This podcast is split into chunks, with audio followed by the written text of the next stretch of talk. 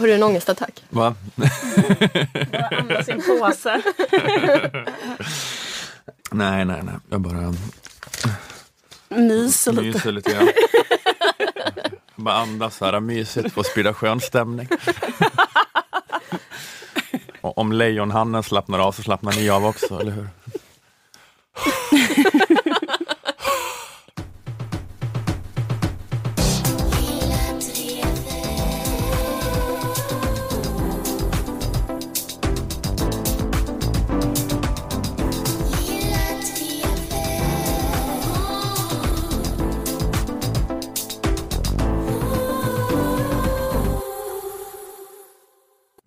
Säger välkomna till det 147 Lilla Drevet, en samtidskommenterande podcast för Aftonbladet Kultur som görs i samarbete med våra sponsorer Akademikernas A-kassa och fackförbundet Jusek.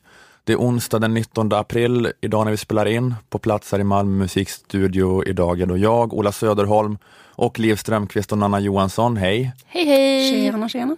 Idag ska vi prata om terror, sen om något annat och sen om terror igen. Mm. Eller också terror, terror och sen något annat. Jag har inte bestämt ordningen i alla fall. Nej. Men det är tre ämnen och två av dem är terror. Och ett är något som du har gjort Nanna. Precis. Eh, Det jag har försökt göra är att eh, läsa på lite grann om hur terrorister blir till. Jag hoppas att det inte är exakt samma ämne som du har, eller samma vinkel. Nej, men däremot så läste jag Elisabeth, heter hon Santesson? Eh, Mod, mod, Moderaternas eh, Ja, just det. Heter hon Santesson eller Svantesson? Sva, Svantesson. Svantesson. Heter de något rimligt eller något totalt sjukt? Men jag läste en fråga som hon svarade på till tidningen Metro. Och då så var det någon som frågade henne så här. Eh, vad heter det? Vad ska vi göra för att stoppa terrorbrott? Och då sa hon så här. Vi ska inte på något sätt försöka ursäkta eller förklara terrorbrott. Just det. Och hon sa, det första vi ska göra är att vi aldrig någonsin får ursäkta eller förklara. Alltså jag vill bara säga det att hon, eh, du- det du gör nu är, Är det haram? eh, ja det är mot, eh, eh, du, Ja. enligt henne så underlättar du nu. Eftersom du, om du ska försöka förklara. Nej, det är det som att det finns en sån här beröringsskräck för att förklara terror. För att då är man hela tiden för nära och ursäkta dem, verkar många i debatten tycka. Jag tycker Så att du eh, bara ska säga att du tycker terror är fel. Ja, men jag kan säga det var tredje mening Mm, som en disclaimer hela tiden. Att jag tar avstånd från det här med att slumpmässigt mörda civila. Men det var en väldigt, eh, det var Pontus Lundqvist hade en jätterolig serieruta om det. Mm. Om att det var, så har du sett den Anna? Nej. Att det var en kossa uppe i ett träd och så pekade ena och sa hur hamnade den kossan uppe i trädet? Så svarade en annan, det spelar för helvete ingen roll, den ska inte vara där. Det ska bara inte vara där. Ja, ja, eh, det blir enda skämtet på ett tag. Återberättar Pontus Lundqvist roliga skämt. nu kör vi med det jag har forskat om. Då. Mm. Det jag försökt göra är att eh, läsa på lite om hur terrorister blir till. Eh, alltså muslimerna, inte alla muslimer. Inte Johannes Sanjuro till exempel. Många muslimer är inte terrorister. Johannes Sanjuro, det är ett exempel bara där, eller hur? Skitsamma. Nej men alltså de här europeiska då, eh, homegrown, hemodlade terroristerna som begår dåd i islams namn. Eh, den här Drottninggatan-mannen faller utanför mönstret lite eftersom att han var eh, nyanländ usbek. Men annars är den stora huvudverken som alla funderar på, vad är grejen med alla de här andra generationens barn till invandrare som är uppväxta i europeiska förorter eh, som antingen då eh, mördar slumpmässigt utvalda civila i dåd i Europa eller då gör det här som eh, hundra göteborgare har gjort, eller hur många det nu var, åka till Irak och Syrien och kriga för IS. I Frankrike, det är ju då det europeiska landet som varit hårdast drabbat av det här. Där har det under många år pågått ett krig mellan två franska professorsgubbar. Två experter på islam som hatar varandra. Som bedriver fransk professors farbror jihad mot varandra. Med ett löfte om att i paradiset få 72 kåta studentskor. Det har de redan. Ja. Eller jag känner franska universitetet. Exakt. De lever nog den drömmen. Men de kanske... Paradiset här på jorden redan. Mm. Striden handlar om huruvida problemet med europeiska jihadister kan spåras till islam i sig självt. Eller om jihadisterna snarare är crazy killar som mer använder islam som en förevändning. Eh, ena professorn heter Gilles Kepel eh, och han menar på att man måste förstå jihadisterna som religiösa extremister. Att våldsbenägenheten i alla fall till stor del eh, ska ses som en förlängning av den växande salafismen i franska förorter de senaste 20-30 åren. Moskéer och imamer, ofta sponsrade av oljerika gulfstater, har spridit en bokstavstroende tolkning av islam bland invandrarnas barn eh, som eh, eh, var olik den då som fanns hos föräldragenerationen. Eh, och den här salafismen är då någon slags inkörsport till jihad. Mm. Och den andra professorn är Olivier Roy som menar att jihadisterna inte i första hand ska förstås som religiösa extremister utan som våldsamma nihilister. Jag är nog mer team Roy. Jag också. Eh, det var ju en skräll. Han menar... vi, vi, vi, vi, tänkte det innan Roa sa det. Han menar att terrorismens rot inte är eh, radikaliseringen av islam, utan islamiseringen av radikalisering. Det är hans eh, one-liner som han, han har gjort succé med. Eh, han har skrivit en lång artikel i The Guardian eh, som eh, heter Who are the new jihadis? Eller det var ett utdrag ur hans bok. Eh, men den, den, han inleder då med att beskriva dödskulten som är den nya jihad. Nästan alla terrorister i Frankrike har sprängt sig själva eller fått sig skjutna av polisen. Vi älskar döden som ni älskar livet, är ett populärt slagord. Det låter ju ganska nihilistiskt. Mm. Lite oinnihilistiskt att, att älska döden i och för sig. Ja, det är lite mm. så här eh, skolgårdsgoter. Har det där tatuerat. Men om man, tänker, om man är riktigt nihilistisk så är man likgiltig inför döden också. Eller? Ja, precis. Att det är... Eh... Det spelar ingen roll. Mm. Eh, jag kan inte älska.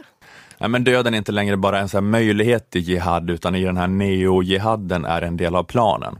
Eh, vilket är en ny utveckling. Det har alltid varit ärofullt att stupa i jihad, förvisso, men inte att aktivt söka upp sin egen död. För ska man bokstavstolka islam så är självmord en synd, som det är i kristendom och mm. judendom och så vidare. Så vad säger det då om den här samtida radikala islamen? Han menar då att det säger att modern jihad är en ungdomsrörelse som har konstruerats oberoende av föräldrarnas religion eh, eller kultur. Det är inte en del av ett större islamiskt sammanhang på det viset. På samma vis som det är ett fuck you till hela icke-muslimska världen är det också ett fuck you till föräldrarnas islam. Mm. Det är bara så här, det här slå sönder allting, vi ska bara ha ett blankt papper. Det är en total anti hela världsordningen. Eh, och att de har så en självdestruktivitet och nihilism som inte har något att göra med den så att säga vanliga islamiska kampen eller politiken i Mellanöstern. Alltså de är inte en del utav någon sån gammal antikolonial kamp eller en del av kampen mot Israel eller, eller mot USAs drönarkrig. De yrar om kalifatet som ständigt ska expandera, men deras nihilism är helt ologisk strategiskt sett om det på riktigt var något sånt geopolitiskt mål de tänkte sig att uppnå. För det går liksom inte för någon att förhandla med dem. Det finns inget politiskt perspektiv. Och det är heller inte effektivt militärt med de här självmords, eh, självmordsterrorismen. Attackerna då slösar upp stridsberedda män eftersom de bara används en gång och inga västmakter liksom kommer på knä. De bara ökar sina militärbudgetar. Eh, Rouen Roa menar att den här ständiga associationen till död är en nyckel för att förstå eh, dagens radikala. Att nihilist-dimensionen är central det som fascinerar och förför de som blir jihadister är idén om en ren revolt. Våldet är inte ett medel för att uppnå något, utan våldet är målet i sig. Eh, så det är då att det finns en så här pool av störda eller sårbara rebelliska unga män som ofta är brottslingar eller smågangster sedan tidigare och IS kommer att erbjuda dem ett narrativ. Och de har inte varit en del utav eh, den islamska kampen tidigare i någon större utsträckning oftast. Så... Många, av dem har, eller många av dem har i alla fall varit så att de eller hur? Alltså jag har varit så här, ganska mycket så, typ eh, hängt på krogen och eh, mm, blivit mm. tagna för rattfylla och typ mm. sådana saker. Och gjort eh, petty crime. Just det. Raggat på tjejer. Inte varit i moskén. Haft på sig hoodies. Just det. Rökt cigg. Suttit på kåken. Just det. Lyssnat på rap. Mm. Men han menar det då att det liksom inte att, så här, eller han säger också att man inte ska frikänna islam, islam från att problematisera, som att man måste här, fråga sig varför rebellisk ungdom har hittat islam som paradigmet för sin revolt, snarare än då ändå det motsatta orsakssambandet, som är varför islam producerar rebellisk ungdom. Att han menar att ja, pilen går åt det hållet och inte åt från islam till rebellisk ungdom. Och men alltså belägg då för att man inte kan se jihadisterna som en del av den här antikoloniala muslimska kampen är att de som begår attackerna i Europa, det är inte palestinier. Liksom det är inte folk som har blivit drönarbombade i Libyen eller Afghanistan. Och de är inte heller så att de allierar sig med sina föräldrars kamp för Algeriets frihet eh, De säger inte att de är en del av det. Och de är heller inte nödvändigtvis de fattigaste och mest ointegrerade människorna. 25 procent av dem man har studerat i Frankrike är konvertiter. Att det är många vita katolska fransmän som har blivit IS-krigare. Han har sammanställt data om 100 franska och belgiska terrorister som antingen har begått dåd eh, hemma eller åkt på IS-resa och eh, ja, men det är att, ja, men det var det här du var inne på, de har många gemensamma karaktärsdrag, att de är andra generationens, de har en period av småbrottslighet, de radikaliseras ofta i fängelset eh, och blir så väldigt religiösa väldigt snabbt och sen ganska kort därefter självmordsattack. Ja, och att de är de här born again muslimerna som inte varit speciellt religiösa innan. Och ett annat så här, äh, då bevis han har, eller vad man ska kalla det, för att det är killar på glid som hittar islam snarare än att islam gör dem till killar på glid, är att ingen av de här hundra som man har studerat har varit aktiva i Muslimska brödraskapet. Inte en enda av dem. Och inte heller så här solidaritetsgrupper för olika kamper i Mellanöstern. Och, de är inte föreningsmänniskor Nej. på det sättet. Att de sitter i en sån källare. Med dagordning. Nej, precis. De, men de är så här, liksom, på något vis att de är så bara eh, hårda liksom, killar på glid som är kicksökare, så de gillar inte något sånt tråkigt tönteri. Nej, de är ska, mer extremsportare. Det ska komma en extrem förening liksom. Ja. Exakt.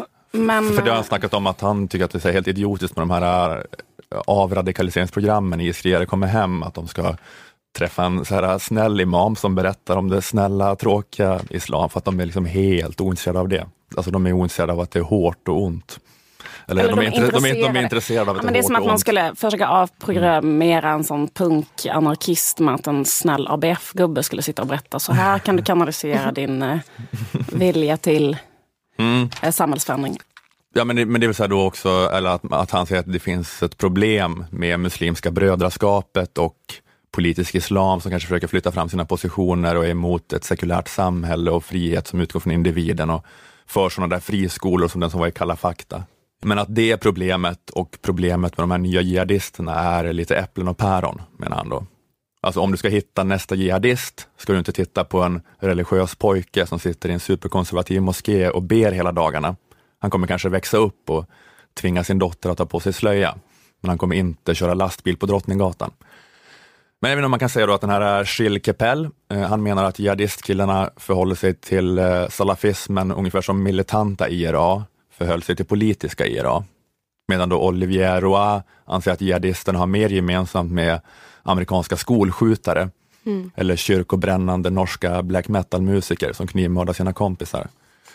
Ja, men att islam blir då det här lämpliga utloppet då för rebellisk ungdom på glid som bara vill säga fuck you till allt. Och det beror då på att islam är läskigt för oss. Det skriver han, att de spelar, att det är islams vår rädsla för islam är det liksom som exploateras.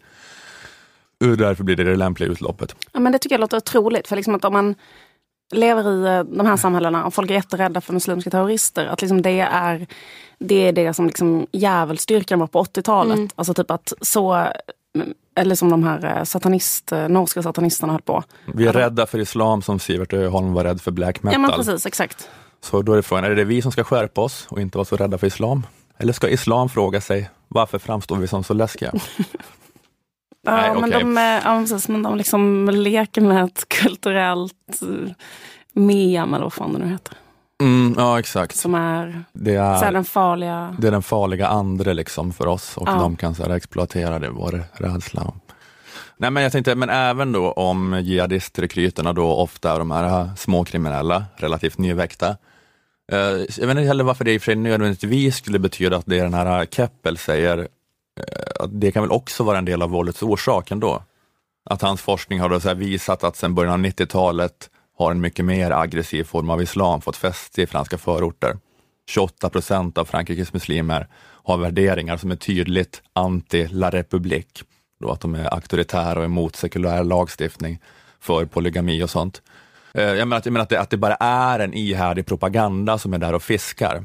Eller det håller en sån väckelse över hela världen lite grann. Att mm. palestinska kvinnor hade inte hade slöja, inte slöja för 70-talet, bla bla bla. Att det, att det bara är en sån ihärdig propaganda som är där och fiskar bland unga män eh, som inte liksom hittat en plats, som är fast i det här mellan sina föräldrars traditionalism och det omgivande samhällets sekularism och de är vilsna och Eh, Eh, virriga och att det kommer då predikanter sponsrade av Saudi oljedollar och de är där och bekräftar det de redan har som en vag känsla, att hela det här samhället kan fara åt helvete. Det är inte ditt fel. Det är det här islamofoba samhällets fel. det är fel att integrera sig i det här förljugna samhället.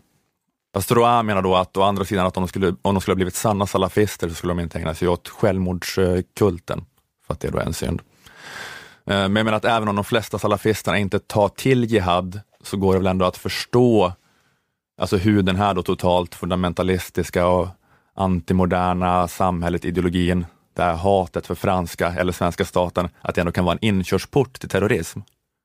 Eller att den propagandan borde ju också kunna vara att det går en pil åt det hållet också, även om Roas pil med orsakssambandet också stämmer. Jag vet inte riktigt. Det är, jag tänker ändå att båda kan ju ha lite rätt. Båda franska knullgubbarna. Eller hur? Keppel är mer höger och Roa är mer vänster. Att det är det gamla, men det är lite det gamla vanliga, högerns svaghet är att den överskattar betydelsen av idéer. Vänsterns svaghet är att den underskattar betydelsen av idéer. Vad fint sagt. Har jag läst, har jag läst någonstans? jag, jag fattar vad Roa menar, men det är ju också såklart, alltså bara, om det är en sån miljö som man blir mer och mer fundamentalistisk och mer liksom på kant med det sekulära samhället, att man fattar ju också att, och att deras predikningar går ju inte ut på att få folk att begå jihad, men det går ju ut på att få folk att leva, att liksom eh, leva i en enklav och ta avstånd från samhället. Och, men jag tror nog att Mm. det behövs en extra liten, ehm, det behövs en extra grej för att verkligen bli en terrorist. Alltså som jag tror inte, mm, eller liksom att man behöver ha en, ett våldskapital, en våld, uh, någonting som inte är mm, every man on the street kan, kan inte göra det tror inte jag. nej, de har ju den här grejen att de är thugs. Liksom. Jag tror inte att om man tar liksom och försöker radikalisera en grupp på hundra pers att sitta och tjata någonting i deras öron så tror jag inte att alla de hundra ändå kommer liksom att vara kapabla att utöva våld. Utan bara vissa. Mm. Ja, och vad det beror precis. på kan ju vara Ja, just det. tvista de lärde. Men det tror jag måste vara en psykologisk skruvlös. Ja, Jag, inte, men någon så här prata om det om typ i så här, liksom så här Hitlers och Stalins terrorvälden, att de som var alla de här hantlangarna, som var alla sådana SS-generaler och sådana, att det är liksom människor som i alla demokratiska samhällen är gangsters och maffia. Att det är bara den typen, men de hamnar liksom högst upp i sådana samhällen. Men det var också bara att kunna ha ett visst våldskapital. Alltså bara för att kunna vara polis till exempel, eller väktare eller sånt där, så måste du liksom kunna ha någonting du kan plocka fram. Mm. Som jag inte heller tror att alla män, eller liksom, till exempel lite som jag absolut aldrig skulle kunna göra. Just ifall, någon, ifall, ifall, Ja, någon, men ifall, någon, ifall någon lappar till en får man inte bara säga oj. Och, Förlåt. förlåt. Oj, förlåt. Utan då ska man kunna reagera instinktivt. Och jag tänker så mycket på det här med reflektionen. Så var Andreas Baader till exempel en person som hade någon slags våldskapital som inte average människa har. Nej, just det. Att han var lite mer av en psykopat än en vanlig person. Även om alla var indoktrinerade med samma ideologi så var han mer kapabel att ta till våld och gilla det mer än andra människor. Just det. Nej, men det här var egentligen mest bara en lång redogörelse utan egen vinkel eller take. Så kan det vara ibland. Haft lite mycket den här veckan. Mm. Men det är ändå någon slags samhällsservice för de som inte kommer orka läsa alla långa Guardian och New York Times artiklar jag har läst. Men också gött för alla oss som inte har, eh, skulle förstå typ eh, Frankrikes motsvarighet till Agenda. Att här fick vi som ett, en debatt. Ja, Fast du gjorde båda sidor. Du flyttade lite på dig också. Så här. just det. Och slutade med att säga att båda hade lite rätt. Jag lajvade fransk public service helt enkelt. Mm. Nej, men jag tänkte, men om det är som Roa säger, eh, så är det ju synd att vi inte kan få dem att bli djävulsdyrkare istället. För även om de skulle döda lika många människor i attacker då, så skulle det mer bara vara något udda fenomen. Men det skulle ju inte stor- slå mot en stor eh, muslimsk majoritet. Nej, precis. Det skulle inte skapa spänningar Nej. med världens 1,6 miljarder muslimer, utan det skulle mer bara vara, vad är det här för jävla weirdos? Eh, eller det skulle, det skulle skapa spänningar då med fredliga black metal-lyssnare. Men det, Mm. kanske, det skulle kanske vara ett mindre världspolitiskt problem. Det skulle bli jobbigt för Ika Johannesson och Fredrik Strage. Men, Precis. Men vi, vi ska ju åka till Paris i helgen, Mm. så vi kanske kan gå runt i förorten och, och berätta om norsk black metal. Dela ut skivor med mig hem och Bursum. Tycker du att IS är onda och true? Låt mig då berätta om greven. Si vous pensez que le is est... Kan du komma på ordet för ord? Är très mal. um, Ja. Eh, Je voudrais compter vous de le...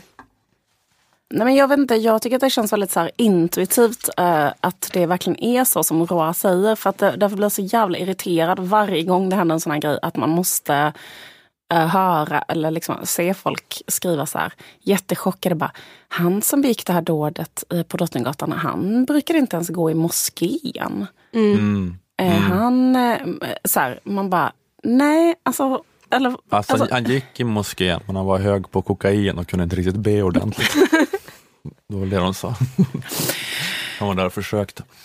ja, men att det liksom är så här, eh, att man hela tiden måste liksom understryka det. Mm. Och det tycker jag är så konstigt, för så kan man inte bara höja nivån.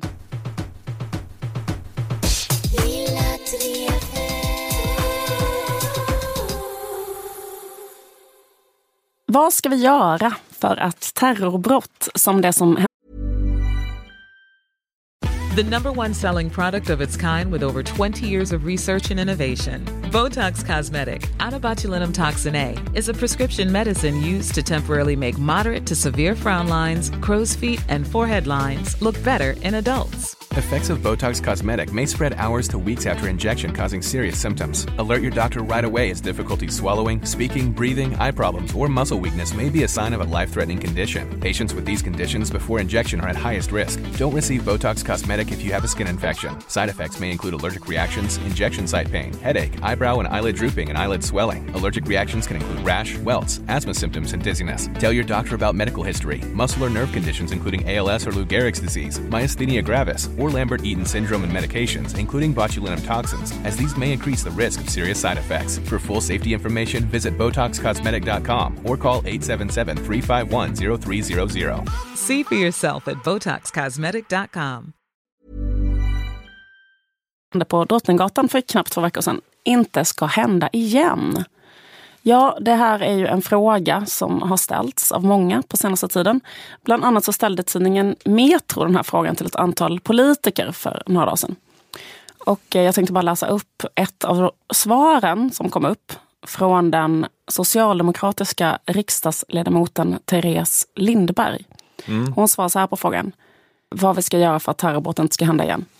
Det viktigaste är att resa sig över det vanliga politiska käbblet.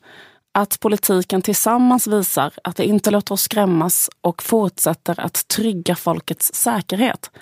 Vi står på samma sida här. Mot ondska, terrorism och främlingsfientlighet. Okej. Den här inställningen som eh, Lindberg ger uttryck för här, den eh, beskriver ju väldigt väl hur de svenska partierna har agerat, eller hur? Stefan Löfven bjöd in alla partier utom eh, SD och Vänsterpartiet till ett blocköverskridande samtal om terrorbekämpning under veckan. Vi vet ju inte hur de här samtalen slutar för vi har inte hört det när vi spelar in detta. Men eh, vi har ju redan hört en hel del förslag där eh, partierna är enormt överens. Jag tycker liksom att det har varit eh, häpnadsväckande hur de här olika politiska partierna i Sverige inte alls har haft olika idéer utifrån vilken politisk ideologi man tillhör. Utan istället har man då liksom lämnat ideologi eller käbbel, som Lindberg kallar det, eh, bakom sig och istället då bara ställt sig på samma sida. Eh, men vad är det då för sida, förutom att det är, med Therese Lindbergs ord, mot ondskan. Eh, vad är det som den här blocköverskridande sammanslutningen tänker göra? Många har säkert eh, hängt med i detta, men jag tänker ändå att det kan vara värt att ta igen. Partierna Socialdemokraterna, Miljöpartiet, Kristdemokraterna, Centerpartiet och Liberalerna vill ha fler inre utlänningskontroller. Det betyder att polisen kontrollerar om personer har rätt att vara i Sverige. Partierna vill också ha fler platser på förvaren där personer som ska utvisas kan bli inlåsta. Har du lyssnat på klartext? Jag lyssnar på det här New... Nej, Sweden News. Eh, Nyheter på lätt svenska. Okej. Och det är väldigt behagligt. Jag har varit så trött och febrig så det är väldigt skönt att lyssna. Men också tycker det är, men också tycker det är bra därför att ehm, Man förstår verkligen. Man förstår verkligen. Ja, när någon säger och det betyder och så får man förklaringen. Underbart. Mm. Ingen ideologisk debatt om det här. Liberalerna har ingen ideologisk invändning mot att spärra in folk som inte har begått brott i fängelser. Och ett parti som då har profilerat sig som uttalat antirasistiska, Miljöpartiet, har ingen invändning mot ökad rasprofilering då. För det är ju det som kommer bli följden om man ska göra sådana här inre utlänningskontroller. För, förlåt, jag hörde inte klartexten. Jag tror jag blev för distraherad av att de pratade så konstigt. så, så var det att man skulle spärra in folk? Ja, men, Ja, alltså att, att, eh, om någon Förvar. har fått uh, utvisnings... eh, vad säger man? Besked så ska den kunna förvaras Mm. under tiden eller fram till... Just det, om man avvisningen. bedömer att det är någon risk att den avviker. Och sånt, Alltså där, får man så bara är det ju redan nu och har Ja, det varit det väl. Ja. Okej. jättelänge. Men Okej. att det ska vara ännu mer, alltså att man ska bygga ut det ännu mer. Alltså det har ju funnits ett sånt det fängelse i Malmö där man alltså låser in folk som då inte är dömda för ett brott. Utan eh, ja, man, och där har man ju faktiskt låst in också minderåriga och så. Så det är ju liksom lite kontroversiellt skulle man kunna tänka utifrån olika ståndpunkter. Men inte här. Och sen det här också då att man ska göra ökade då kontroller ifall människor uppehåller sig illegalt i landet. Och det behöver man ju inte vara Einstein för att räkna ut vem man kommer hålla på att kontrollera hela tiden då. Nej. Utan det måste utgå från en ras, racial profiling, eller? Eh, Men det är i alla fall ingen som har debatterat detta eftersom alla partier då har rest sig över politisk debatt och istället gått lös på eh, enighet. Eh, Okej, men vad mer ska vi göra då? Kristdemokraterna vill också att Migrationsverket ska kunna sätta elektronisk fotboja på personer som ska utvisas. Ja, ah, just det. Men det är ju Just inte bara KD som vill det, utan även då Miljöpartiets Gustav Fridolin uttryckte ju detta önskemål. Mm. Så KD och Miljöpartiet tänker då tillsammans visa terroristerna att politiken inte låter sig skrämmas. Och det tänker de göra genom att bli samma parti. Det är, eh, ja precis, men det är, det är i alla fall inte käbbel. Nej, det är verkligen inte. Renons på käbbel. Men vad mer eh, ska partierna göra? Regeringen vill att det ska bli olagligt att vara med i en terrororganisation.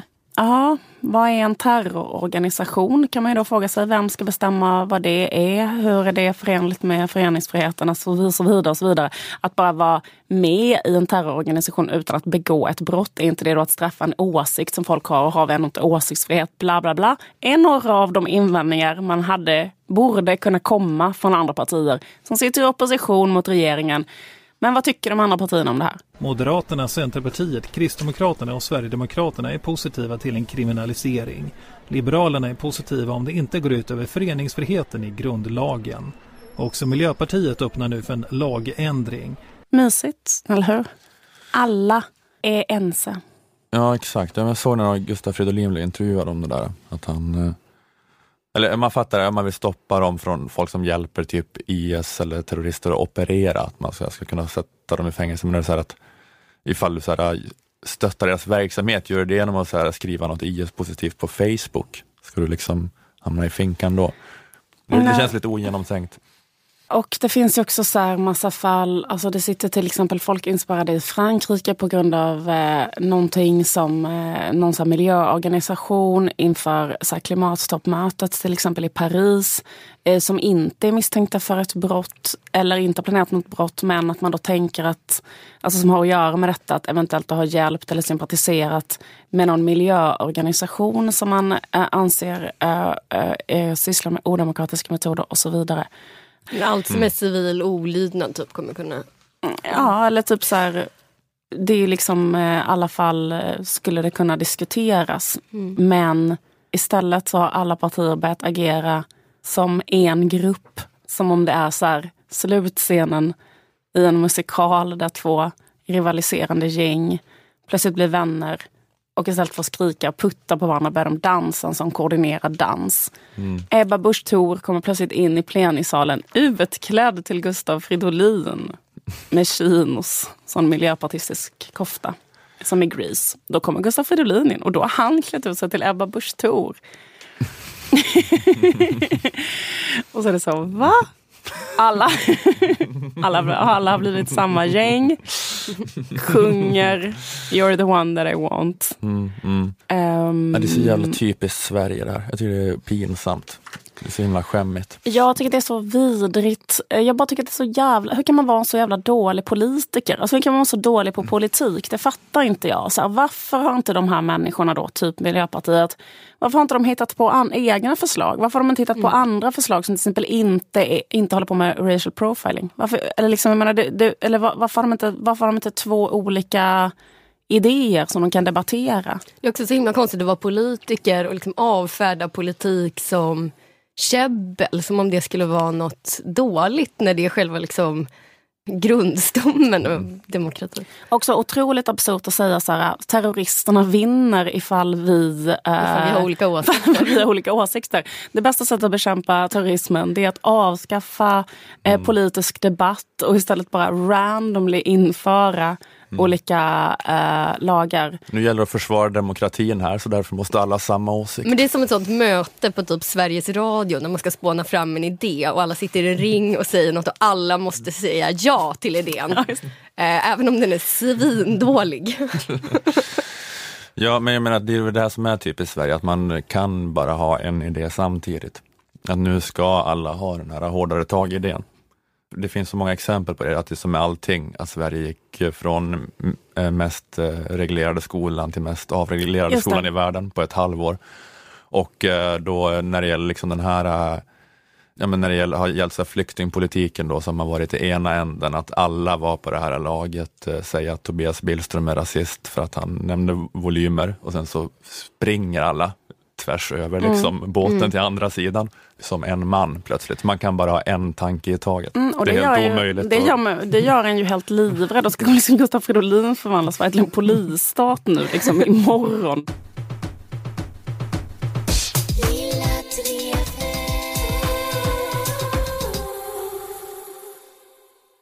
Lilla Drevet sponsras av Akademikernas A-kassa och fackförbundet Jusek. Tack för att ni möjliggör produktionen av en av Möllevångens allra intressantaste poddar, skulle jag säga i alla fall. Partymålet förstås. Och framförallt tack för att ni skapar trygghet för alla akademiker där ute i det stora oroliga havet som kallas arbetsmarknaden. Akademikernas a-kassa kostar endast 100 kronor i månaden och ger dig upp till 20 000 i månaden när du befinner dig mellan jobb. Och vi är oerhört glada att ha fackförbundet Jusek som sponsor. Jusek-medlemskap innebär ju en fet inkomstförsäkring. A-kassan ger som ni vet då ersättning på 80% av lönen eh, upp till 25 000 kronor för den som har blivit av med jobbet. Men Jusek-medlemskapet ger dig ett skydd upp till 80 000 kronor. Så känner du att du är en sån som hellre vill ha 80% av 80 000, då lägger du till 251 kronor utöver hundringen du betalar till a-kassan. Så det kostar alltså bara 351 kronor totalt att vara med i Akademikernas och Jusek. Det är ju ingenting. Det räcker till en öl i Stockholm eller så räcker det till 17 falafelrullar i Malmö, lagade av människor som inte precis är med i facket. Mm. Så gör inte Ygeman besviken, utan lägg pengarna på a-kassa och fackmedlemskap istället. Och Jusek har just nu också kampanjen Vi vet. Eh, Den vanliga associationen när man säger Jusek är att det är juristernas förbund. Men det är inte hela sanningen. Eh, Två tredjedelar av Juseks medlemmar jobbar med annat än juridik. Ju i Jusek står för jurist, S står för samhällsvetare och ek står för ekonom. Mhm. Men det är fortfarande inte hela sanningen. Du organiseras också av Jusek om du är eh, kommunikatör eller personalvetare eller systemvetare. Så många twistar här. Ja, Det hade varit för långt om det skulle heta Jusek PK. nej, nu blir det inga fler initialer Nej. för de här ny, mera nytillkomna yrkesgrupperna. Eh, Men grejen är då att det är inte så många yrkesgrupper. Jusek jobbar för några få och då har de också kunskapen om din specifika yrkesroll. Att det, är en fördel jämfört med vissa av de stora fackförbunden som har jätte, jättemånga yrkesgrupper som trängs under paraplyt. Men Jusek har då sex. Så det är då vi vet. Så om du tillhör någon av de här sex yrkesgrupperna jag nämnde kan du ansöka om medlemskap i Jusek. Och just nu får du också ett riktigt bra erbjudande om du går in på kampanjsidan jusek.se vi vet. Otroligt bra läge att gå med. Vi säger inte vad erbjudandet är, utan du måste gå in och kolla själv. Tar du steget och går med i Akademikernas a-kassa och snedstreck eller Jusek tack vare den här podden får du gärna skriva det i din ansökan. Du kan också berätta det i sociala medier under hashtag lilladrevet.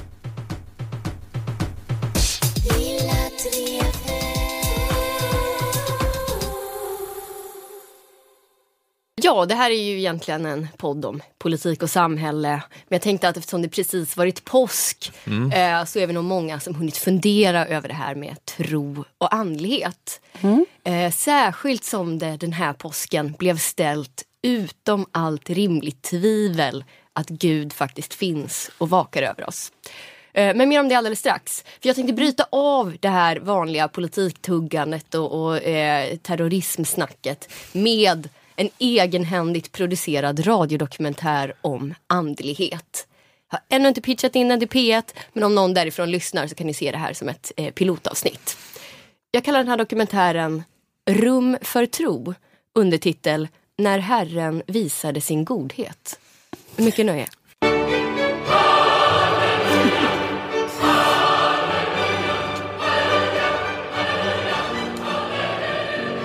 Hej vänner och ni som ännu inte tror. Denna påsk, 2017 år efter Jesu, ja vad är det nu, födelse eller död, vem har koll egentligen? Denna påsk i alla fall så skedde ett mirakel mitt framför våra ögon. Få kan ha missat det här miraklet eftersom det beskrevs i alla de stora svenska tidningarna.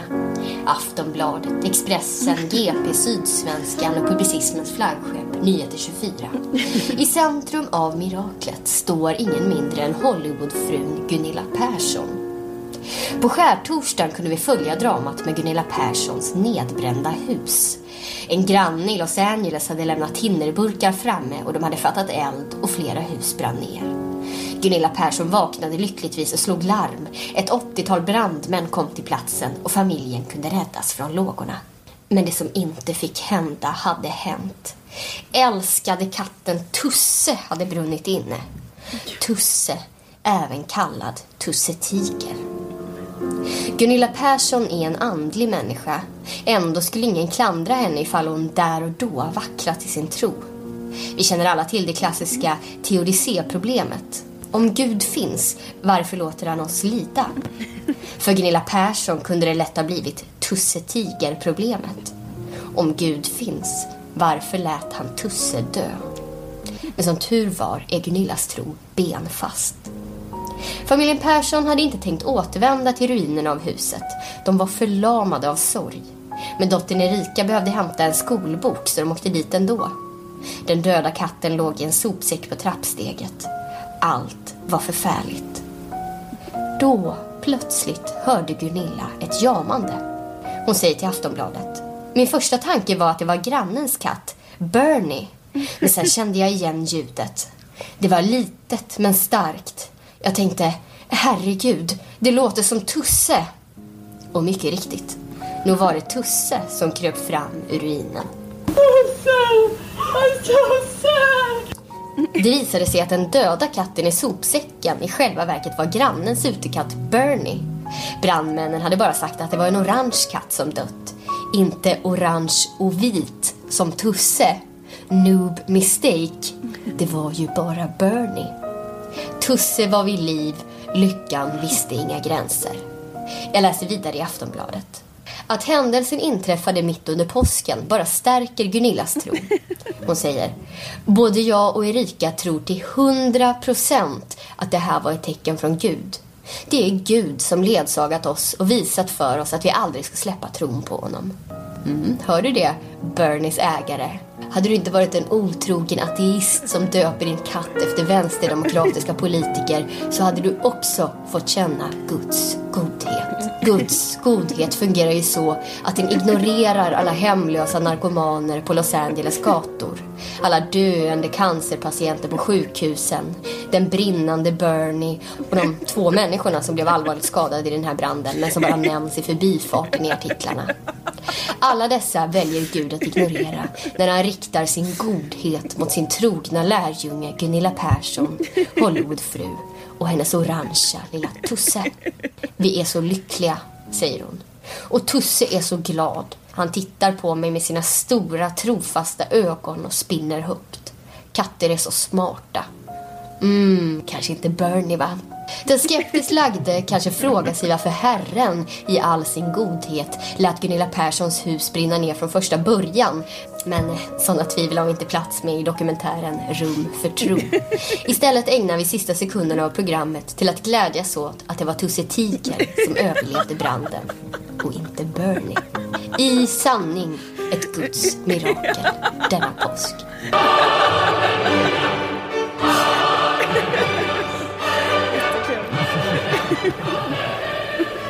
Fuck you, Bernie. Ja men vad härligt, äntligen var det ett eh, formbrott. Mm. Äntligen en kreativ tanke efter 147 avsnitt. Kommer det fler avsnitt av Rum för tro? Eh, jag vet Jag inte om, om, eh, om jag blir inspirerad. Om det kommer något mer mirakel? Om det, precis, det krävs mirakel för att rum för tro ska eh, existera. Ja. Men var det det autentiska lju- reaktionsljudet från Ja, ja, ja, ja. Persson? Att Ja, de, ja. de filmade när de hittade Tusse Ja. där? Eh, det pågick väldigt länge. Jag tog bara ut de där. ehm. Mm. Men jag tyckte det var roligt att så många tidningar hakade på det här eh, och verkligen hade liksom ordet mirakel i titeln. När då miraklet är att en katt dog istället för en annan katt.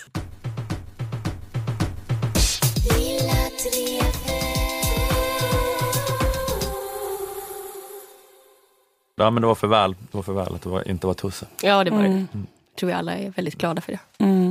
Ja men vad kul. Vi kommer åka till Frankrike då, eh, jag och Ola, för att eh, bevaka det franska valet från första paket. Kommer, vi att göra, kommer du att göra det, att gå ut i...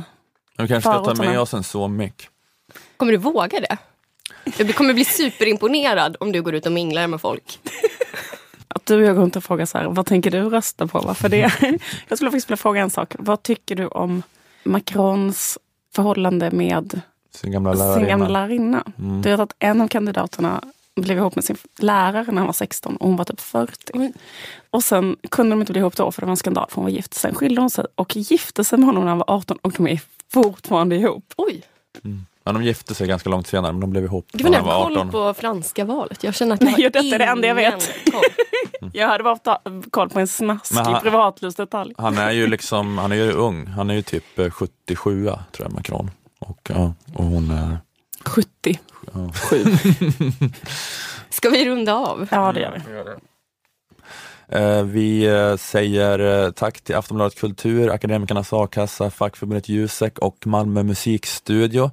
Vi finns på lilladrevet.se och vi har en Facebook-sida. Jag heter Ola Söderholm, ni heter Liv Strömqvist och Nanna Johansson. Vi hörs igen nästa vecka. Hej då! Hej hej! Hej då.